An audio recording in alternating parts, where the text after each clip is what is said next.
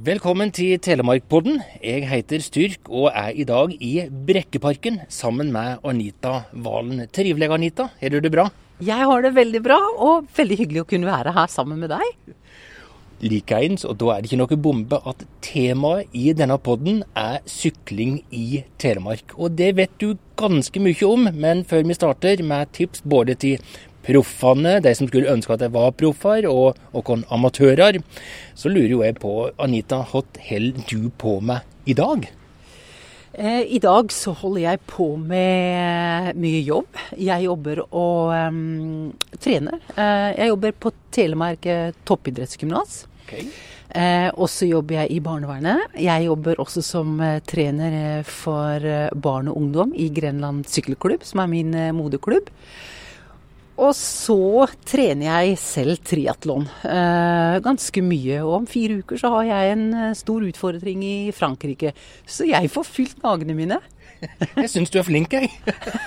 De sier at jeg er det, og jeg syns vel kanskje jeg er det. Men du, Valen er av de fremste norske syklistene gjennom tidene, og ble bl.a. verdensmester i fellesstartritt på landevei i 1994, og har vunnet tre kongepokaler, skriver Store norske leksikon. Og så er du pinadø så aktiv fremdeles. Det kom som en overrasking på meg. Ja, eh, jeg tenker at eh, hvis man har vært toppidrettsutøver, så må man eh, like å trene og holde seg i, i form. Og det er ikke sånn at alle som har drevet toppidrett, eh, når de slutter, så gjør de ingenting. Noen fortsetter eh, å konkurrere, og jeg gjør det, eh, men vel på da en annen arena. Og jeg syns det at eh, hverdagen min, både fysisk og mentalt sett, eh, er mye bedre når jeg holder meg i fysisk form. Uh, og så er jeg litt tvunget til å kunne være i god fysisk form også, siden jeg jobber som trener på toppidrettsgymnaset i Telemark, og også for barn og ungdom i, i, i sykkelklubben. Så uh, jeg blir jo tvunget til å holde meg litt i form også. Du skal ikke være noe dvask hengerumpe her, nei? Nei, jeg skal ikke være noe dvask hengerumpe. Overhodet ikke. og jeg kan skrive under på at slik ser du da sannelig heller ikke ut. Har du sitt i egendesigna eh, sykkelkolleksjon. Det gjør du òg. Åssen du nå måtte få tid til det? Ja, eh, jeg syns det er gøy med farger. Og jeg er litt glad i det som ikke er så standard. Det typiske røde, det mørkeblå, det sorte og det grå. Eh, jeg liker farger, og jeg syns egentlig på markedet så er det veldig lite til eh, jenter med farger. Eh, og da bestemte jeg meg for å begynne å designe litt tøy. Så det har vært litt forskjellige kolleksjoner i litt tigerprint og noe mer nøytralt, men allikevel ganske fargerikt. Så her sitter jeg i dag i eget promotert eh, sykkeltøy og er veldig stolt av det. Flott. Jeg kan skrive under på at du er fargerik. Og da er mitt spørsmål ditt første møte med sykkel i Telemark, husker du når det var? Jeg er født, jeg er født i Porsgrunn. Du er født i Porsgrunn. Men jeg er oppvokst mellom eh, Porsgrunn og Skien, eh, på Tollnes.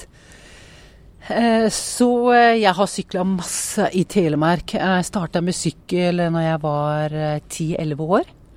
Og ettersom jeg ble eldre, så ble jo turene hardere, og de ble også lengre. Og jo eldre jeg ble, jo lenger oppover i Telemark kom jeg. Så jeg kjenner Telemark veldig godt. Hen i Telemark tenker du det er best å sykle for den som ikke er så trena? Da tar jeg et standpunkt ut ifra at uh, man ønsker uh, kanskje litt rolige bilveier. I og med at det er ganske mye aggressive bilister. Så da vil jeg foreslå en av mine favoritter som jeg selv bruker, som er litt sånn lavterskel, og det er opp mot Luksefjell. Da kan man kjøre ganske langt oppover til man kommer til eh, denne motorbanen.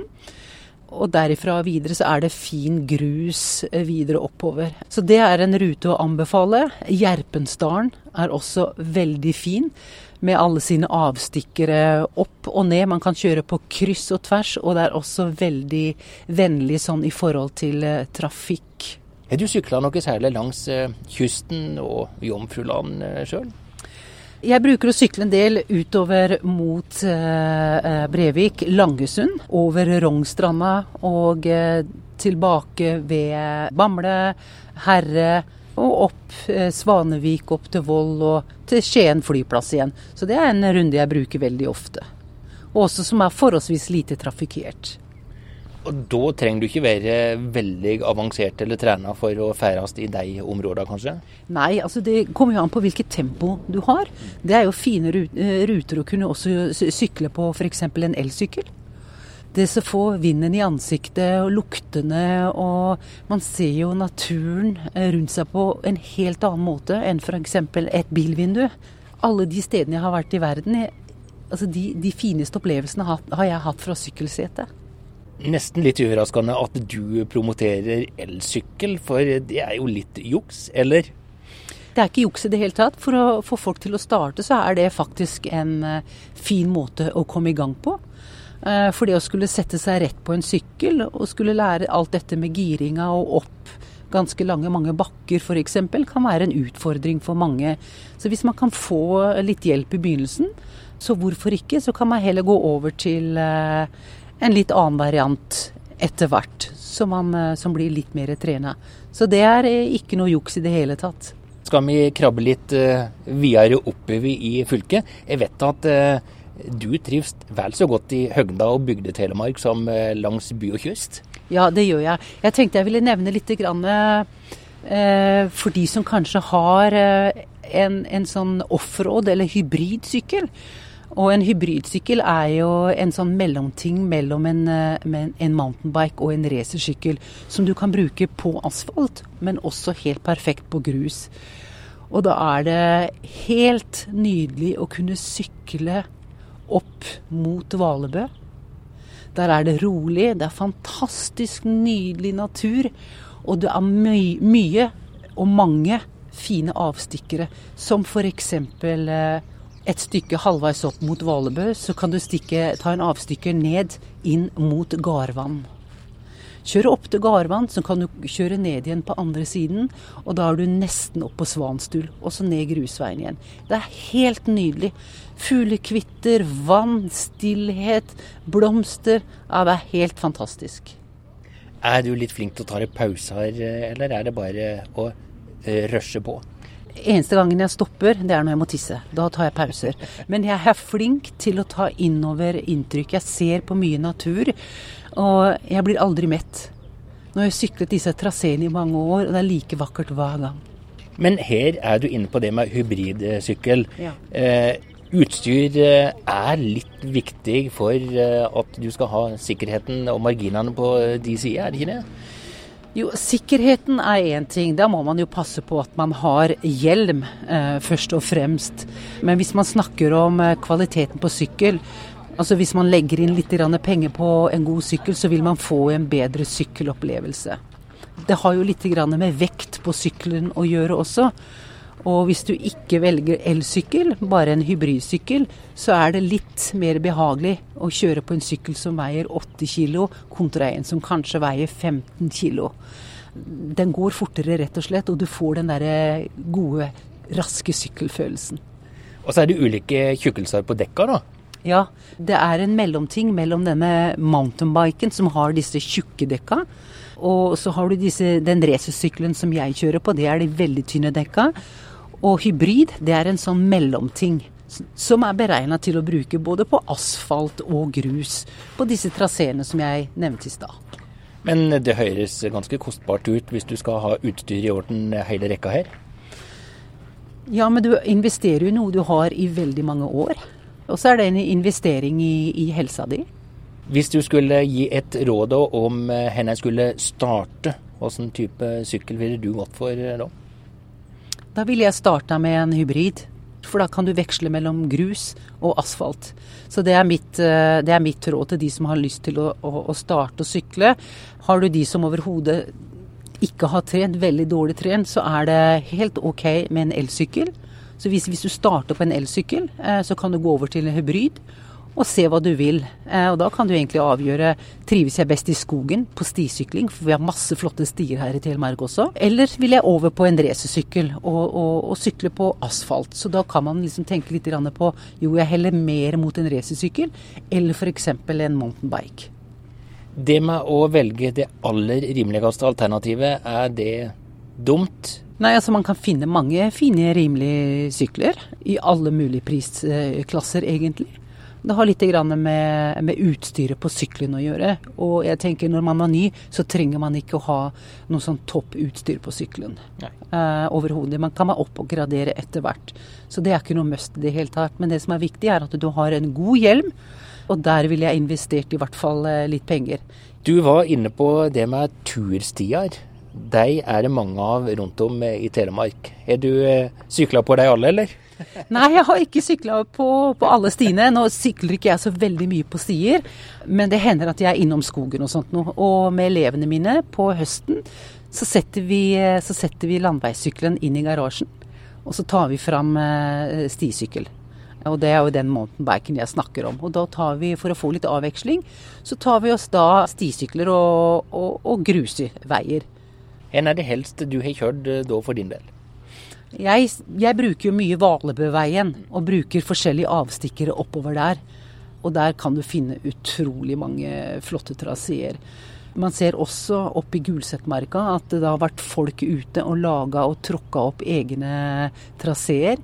De har gått disse traseene med bildekk for å få ordentlig traseer til å sykle på. De har laga bruer, små bruer som man kan eh, sykle over. Så det er mye fint å, å utforske opp i skogen. Er du sykla noe særlig på fjellet, Hardangervidda eh, og, og, og i Høgda?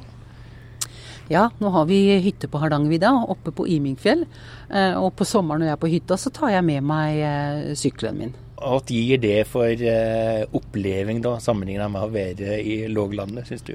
Nei, det er jo en hytte som jeg har vokst opp på og vært på eh, siden jeg var lita jente. Og gått på ski der på vinteren. Så jeg alltid kommer opp dit, så, så, spiller det ikke noen rolle hvor jeg sykler henne. Det er, det er lufta, det er uh, utsikten, uh, det er rypene, det er ja, hele settinga. Det er så mektig. Det er så stort, så kraftfullt. Og jeg har flere enn en gang stått oppå vidda der. Jeg måtte ha gått av sykkelen og stått så rørt at jeg har hatt tårer i øynene, for det er så stort og vakkert. Så det er ikke bare når du må tisse at du tar pause? Iallfall ikke der. Nei, det er ikke det. Det var nesten litt godt å høre.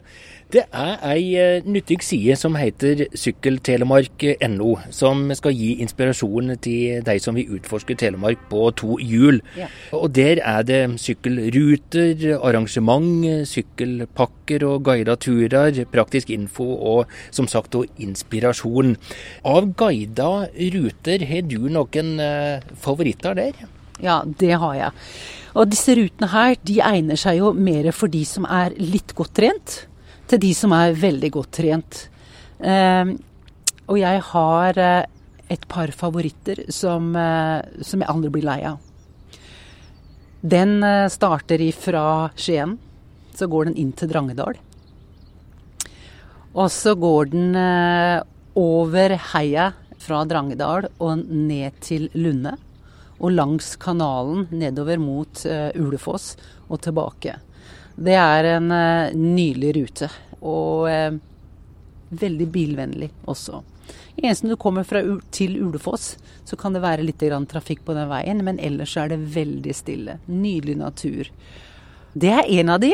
Og så har jeg en annen favoritt som jeg har brukt i mange år når jeg var proff, og jeg bruker den fremdeles. Det er absolutt min favoritt, og det er for de som er godt trent. Den går fra Skien, den går opp til Valebu. Så går den eh, opp til Noragutu, Notodden, opp Resjemheia, ned til Bø, til Lunde, ned kanalen og eh, tilbake til Skien. Det er, eh, det er en nydelig opplevelse. Men dette er en heftig tur, ja? Ja. Du får jo en del høydemeter, da fra Skien og oppover eh, til, eh, til Valbø, så, så, stiger det jo hele veien. ikke sant? Og videre opp mot Notodden, så er det litt ned, og så er det opp Reshemheia, ikke sant. En uh, kjempetøff en. Så det er jo liksom en, en, for de som er godt trent og er vant til å sitte på sykkelen noen timer, da. Hvor lang tid bruker du på en tur som dette, da? Uh, hvis jeg skal kjøre i den pulssonen som jeg vanligvis skal kjøre disse langturene, for det er litt sånn forskjellige pulssoner. Da bruker jeg rundt en seks timer. Men det er fordi du er så sprek? det er havregrøten, det, vet du. stå tidlig opp om morgenen og få kroppen i gang med havregrøt, så, så, så, kan du kaste på. Ja, ja. Det er bensin for kroppen, vet du. Karbohydrater. Havregrøt, det holder lenge. Ja. Av ruter ellers så vet jeg jo at sykkelturen fra Krossobanen på Rjukan til Kalhovd turisthytte er eh, populær. Eh, har du kjørt eh, denne ruta sjøl? Nei, det har jeg ikke. Jeg har kjørt fra Dalen og hjem. Så så langt oppe i Telemark bruker jeg vanligvis ikke å være. For det blir, det blir litt, for, litt, litt for lenge. Det blir litt for eksotisk. litt for eksotisk. Men jeg, jeg, hadde en veldig fin tur her for noen uker siden. og Den starta faktisk i Kragerø. Så gikk den inn til Drangedal. Og så gikk opp til Gautefall. Og videre bortover da eh, langs eh, vannet i Treungen. Nisser? Ja, Nisser, ja. Det er det det heter. Eh, Vrådal. Og så var det ned til eh, Drangedal igjen. Eh, og da må jeg fortelle en ting. Da hadde jeg hadde, jeg hadde trodd den ruta her skulle vært 15 mil, men jeg ble på 22. Så du, jeg gikk jo mattom. Og så stoppa jeg i Drangedal. Og så tenkte jeg her må jeg fylle på flaska. Og der inne sto det folk og drakk kaffe og spilte, spiste pølser. Og jeg var helt på felgen. Jeg var så tom for næring, så tenkte jeg nå, nå bare tar jeg en sjokolade i hånda, og så springer jeg av gårde. Men jeg gjorde ikke det. Jeg torde ikke det. Men det skal sies at da var jeg Det kan jeg ikke huske. Jeg har vært så næringstom. Så da kikka jeg etter mat langs veien for å se om det var noen som hadde kasta fra seg en halv snickers eller noe. du var rett og slett desperat? Jeg var det. Virkelig desperat. Men jeg kom hjem. Jeg kom hjem. det ordna seg til slutt. Det er det viktigste. Ja, og det er bare sånn at eh, husk det at når man drar ut på langturer, ha med seg godt med mat på lomma. Og gjerne også litt penger. Er du da kledd òg for uh, uvær hvis det skulle slå om i løpet av turen? Hvordan er det? Jo da, jeg sjekker alltid Yr. Og jeg har alltid med meg en vindvest. Sånn hvis det er uh, kjører litt høyt opp på fjellet, så jeg tar på meg en vindvest for å ikke bli kald. Så ja, passer alltid på det. Tilbake til dine år som uh, proffsyklist. Hva er det du lærte gjennom alle disse åra rundt om i verden, og konkurranser og OL og jeg vet ikke at du ikke var med på, som du kan takke med deg på en fredelig eller relativt fredelig sykkeltur i Telemark i dag? Uh, det er et godt spørsmål. Uh, det at jeg kan se alt det vakre fra sykkelsetet, luktene, og bruke alle sanser når man er ute på sykkelen. Det spiller ingen rolle hvor du er i verden, liksom, men det har jeg alltid, alltid hatt med meg og, og, og, og nytt i. Og en annen ting som idretten har lært meg Som toppidrettsutøver så må man jo være veldig disiplinert i lange perioder. Ikke bare en måned eller to måneder, men man må være disiplinert og målretta i mange, mange år. Og det har jeg tatt med meg videre inn i mitt vanlige liv nå den disiplinen som, som, jeg har hatt i alle disse åra. Fordi eh, det kan man bruke også i, i, næringslivet. Man setter seg mål, og på veien til mål så må man sette seg en del delmål. Og det går ikke alltid som vi ønsker noen ganger. Og da er det sånn at OK, greit, men vet du hva? Da børster jeg støv av skuldrene, og så skal jeg videre. Man, man, man øyner alltid håp. Man gir aldri opp. Man kaster aldri inn håndkle. Uh, man er løsningsorientert og, og fighter videre. Og det hadde man jo aldri klart hvis ikke man hadde den innstillingen. For det tar mange, mange år å bli god. Man må ha is i magen, tålmodighet. Og det er mye motgang man får. Det går ikke alltid sånn som du vil. Du får ikke alltid de resultatene. Men allikevel så, så fortsetter du. Og jeg husker da eh, jeg var ferdig med ett OL, så, så nullstilte jeg meg. Og så begynte jeg å forberede meg eh, på neste OL, som var om fire år igjen. Så enkelt og så vanskelig. Det er vanskelig òg, sjøl for deg? Men, eh, nei, det var i grunnen ikke så veldig vanskelig. Eh, jeg, jeg, visste det at det å skulle bli god, det ville kreve veldig mye av meg over lang tid. Og var, spørsmålet var jo om jeg var villig nok til å legge ned all den tiden. Uh, og alltid harde arbeidet. For det er mye hardt arbeid. Det er veldig, det er veldig ensomt liv også, fordi uh, vi er ikke akkurat uh, utstyrt med så veldig mange profesjonelle uh, utøvere, syklister her i Telemark, så jeg har uh, trent veldig mye aleine. Og det var ikke alltid jeg hadde lyst til å sette meg på sykler, men jeg visste det at ok, dette er jobben min. Det er ikke alltid man har lyst til å gå på jobb, men dette var faktisk jobben min. Så det gjør noe med mentaliteten din. Man blir veldig tøff i hodet. Hva er den største utfordringa du hadde som proffsyklist når du ser tilbake på disse åra, Anita? Den største utfordringen? Det har vært uh, mange, mange store utfordringer som jeg gjerne skulle vært foruten. Men det tror jeg veldig mange toppidrettsutøvere kan skrive under på at uh, det har vært medgang, det har vært motgang. Det har vært situasjoner man har havna opp i som man kanskje skulle ønske man kunne vært foruten. Men uh, det er ingenting som alltid går på skinner. Du har sett mye storslått natur. Du har sett byer. Du har sett Ja, du har reist rundt om i hele verden så godt som, har du ikke det? Jo, de fleste sykkelrykta uh, er jo i Europa. Det er jo her sykkel er størst. Men jeg har jo, jeg har jo vært uh, stort sett overalt i verden og sykla. Det har jeg. Hvis du da skal sammenligne Telemark og verden, hva vil du trekke fram positivt fra Telemark? Det som jeg syns er veldig fint med Telemark, det er at uh, her i Skien, som jeg bor, så er det ikke så veldig langt ut til kysten. Og jeg kan kjenne lukten av skjærgården, høre måkene, se båtene putre utover. Og få den, den, den, den sjølufta inn. Det er fantastisk.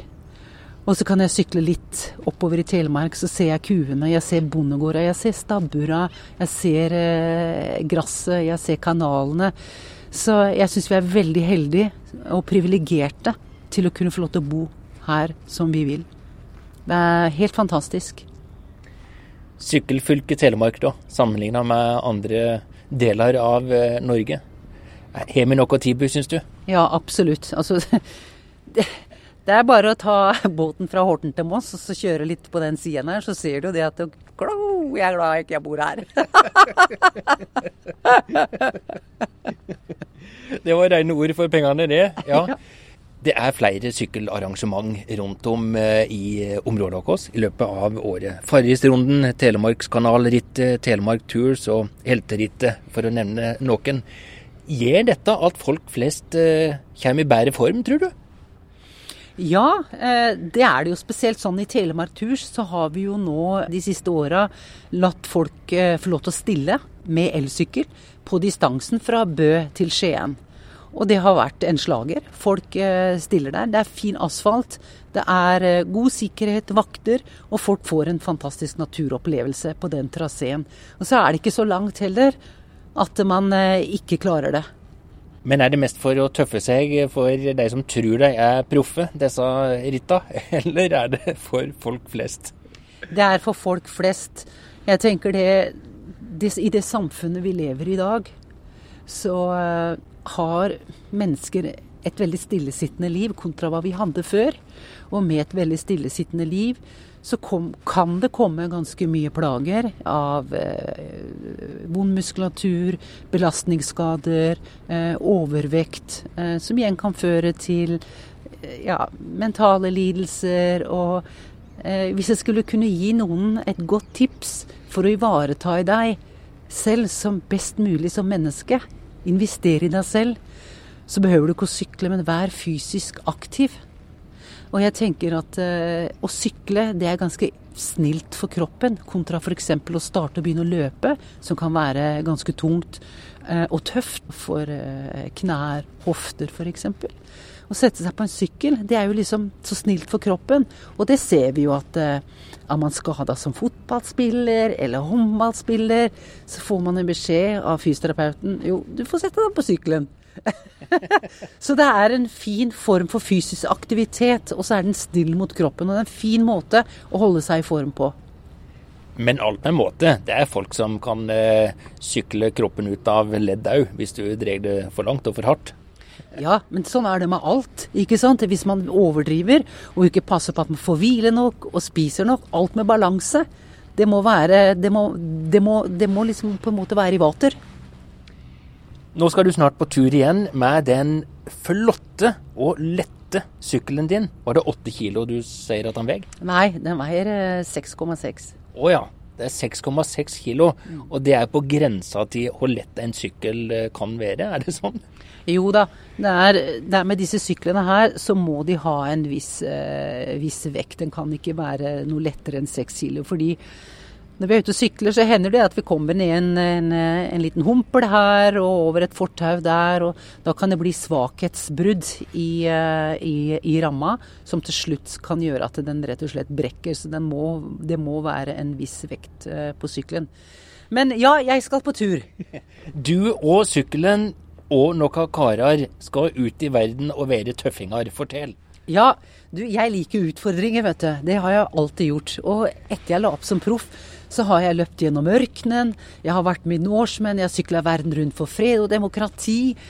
Og så fikk jeg da en, en forespørsel om å bli med i Alpsmann ekstremtriatlon i Frankrike, som da går 8. juni. Og Grunnen til at det ble kalt eh, ekstremtriatlon, er fordi det er såpass mange høydemeter på denne sykkeletappen. Det er jo nesten 4500 høydemeter forskjell på 18 mil sykkel. Oh. Vi skal sykle opp og ned i fjellene i 18 mil. Så da starter vi med 3,8 km svømming. Så er det over på 18,3 eh, mil sykkel. Og så avslutter vi med en fullmaraton på toppen av et fjell.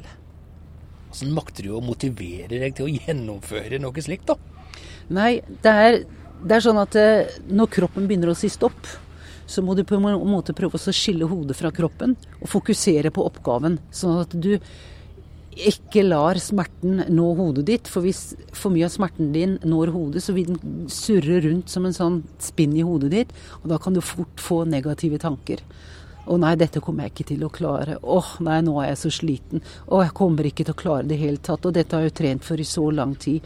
Så må du prøve å fokusere på oppgaver, da. Sånn som f.eks. når man begynner å sykle, så må man fokusere på f.eks. Jeg skal huske å trekke, trekke pedalen opp. Presse ned, trekke opp, ha et rundt tråkk, lette gir i bakkene. Fokus, fokus. Og så må man ferdig med sykkel, så må man over på løpedelen, og da må man ha et litt annet fokus. Høy frekvens på beina, høy frekvens. Hold farta oppe, høy frekvens, høy frekvens. Få i deg næring, høy frekvens. Så må man snakke til seg sjøl i 42 km. Nesten ei slags form for hjernevasking? Ja, du går inn i en sånn uh, boble som, uh, som, er litt vanskelig å beskrive for uh, kanskje lytterne. men de av dere som hører det, som har vært der, dere skjønner hva jeg mener. Men man kommer inn i en sånn transe, da. Hvor man nesten blir som et stempel som går opp og ned, opp og ned, opp og ned. Det høres rart ut, jeg vet det, men det er liksom sånn toppidrettsbobler. Det høres ut som reinspikka galskap. ja. Det er sånn Når jeg har vært med i noe sånt, noe ekstremt, så sier jeg aldri mer, aldri mer. Men det sa jeg at jeg hadde født ungene mine. Og jeg skal aldri mer ha unger, men det ble flere. det er det som trigger deg? Ja, jeg liker å utfordre meg sjøl. Eh, og jeg tenker, vet du hva, livet er nå. Jeg har ikke lyst til å bli 60 og 70 og 80 og 90 år og tenke hvorfor gjorde jeg ikke det? Hvorfor heiv jeg meg ikke med på den utfordringen der. For livet har så mye utrolig flott å by på. Og det er kun meg som kan sette begrensninger. Eh, så jeg har lyst til å bruke livet mitt til å høste erfaringer og opplevelser. For det er jo dette Jeg tjener jo ikke penger på dette her lenger, men det gir meg opplevelser, erfaringer. Og det med at jeg må være såpass eh, eh, eh motivert og holde meg så skarp i hodet, da, det gjør meg også eh, bedre i jobbene jeg gjør. Jeg holder meg på en måte skarp, istedenfor på en måte Nei, nå er jeg ferdig, liksom. Jeg holder meg litt på hugget. Og det passer meg. Det er ikke alle det passer. Det er ikke alle som orker det. Men jeg orker det, i hvert fall nå. Jeg er sikker på at det er mange som eh, hører Telemarkpodden nå, som tenker kjære tid. Omega hadde hatt 1% av denne gnisten og gassen, så skulle jeg vært eh, takksam. Hva er dine beste råd til deg som hører nå? Ta vare på seg selv. Det må du gjøre, for det er ingen andre som gjør det for deg. Anita Valen, tusen takk for eh, inspirerende turtips. Det har vært en fornøyelse. Ja, det har vært veldig koselig. Og eh, altså, som sagt så er Telemark helt nydelig. Og jeg eh, kan virkelig anbefale disse traseene her. Valebø oppover der. Er, bare prøv alle de avstikkerne oppover der. Du kommer til småvann, fugler, eh, småhytter. Det er eh, helt magisk. Du må bare utforske det. Styrk Fjærtoft, Telemark.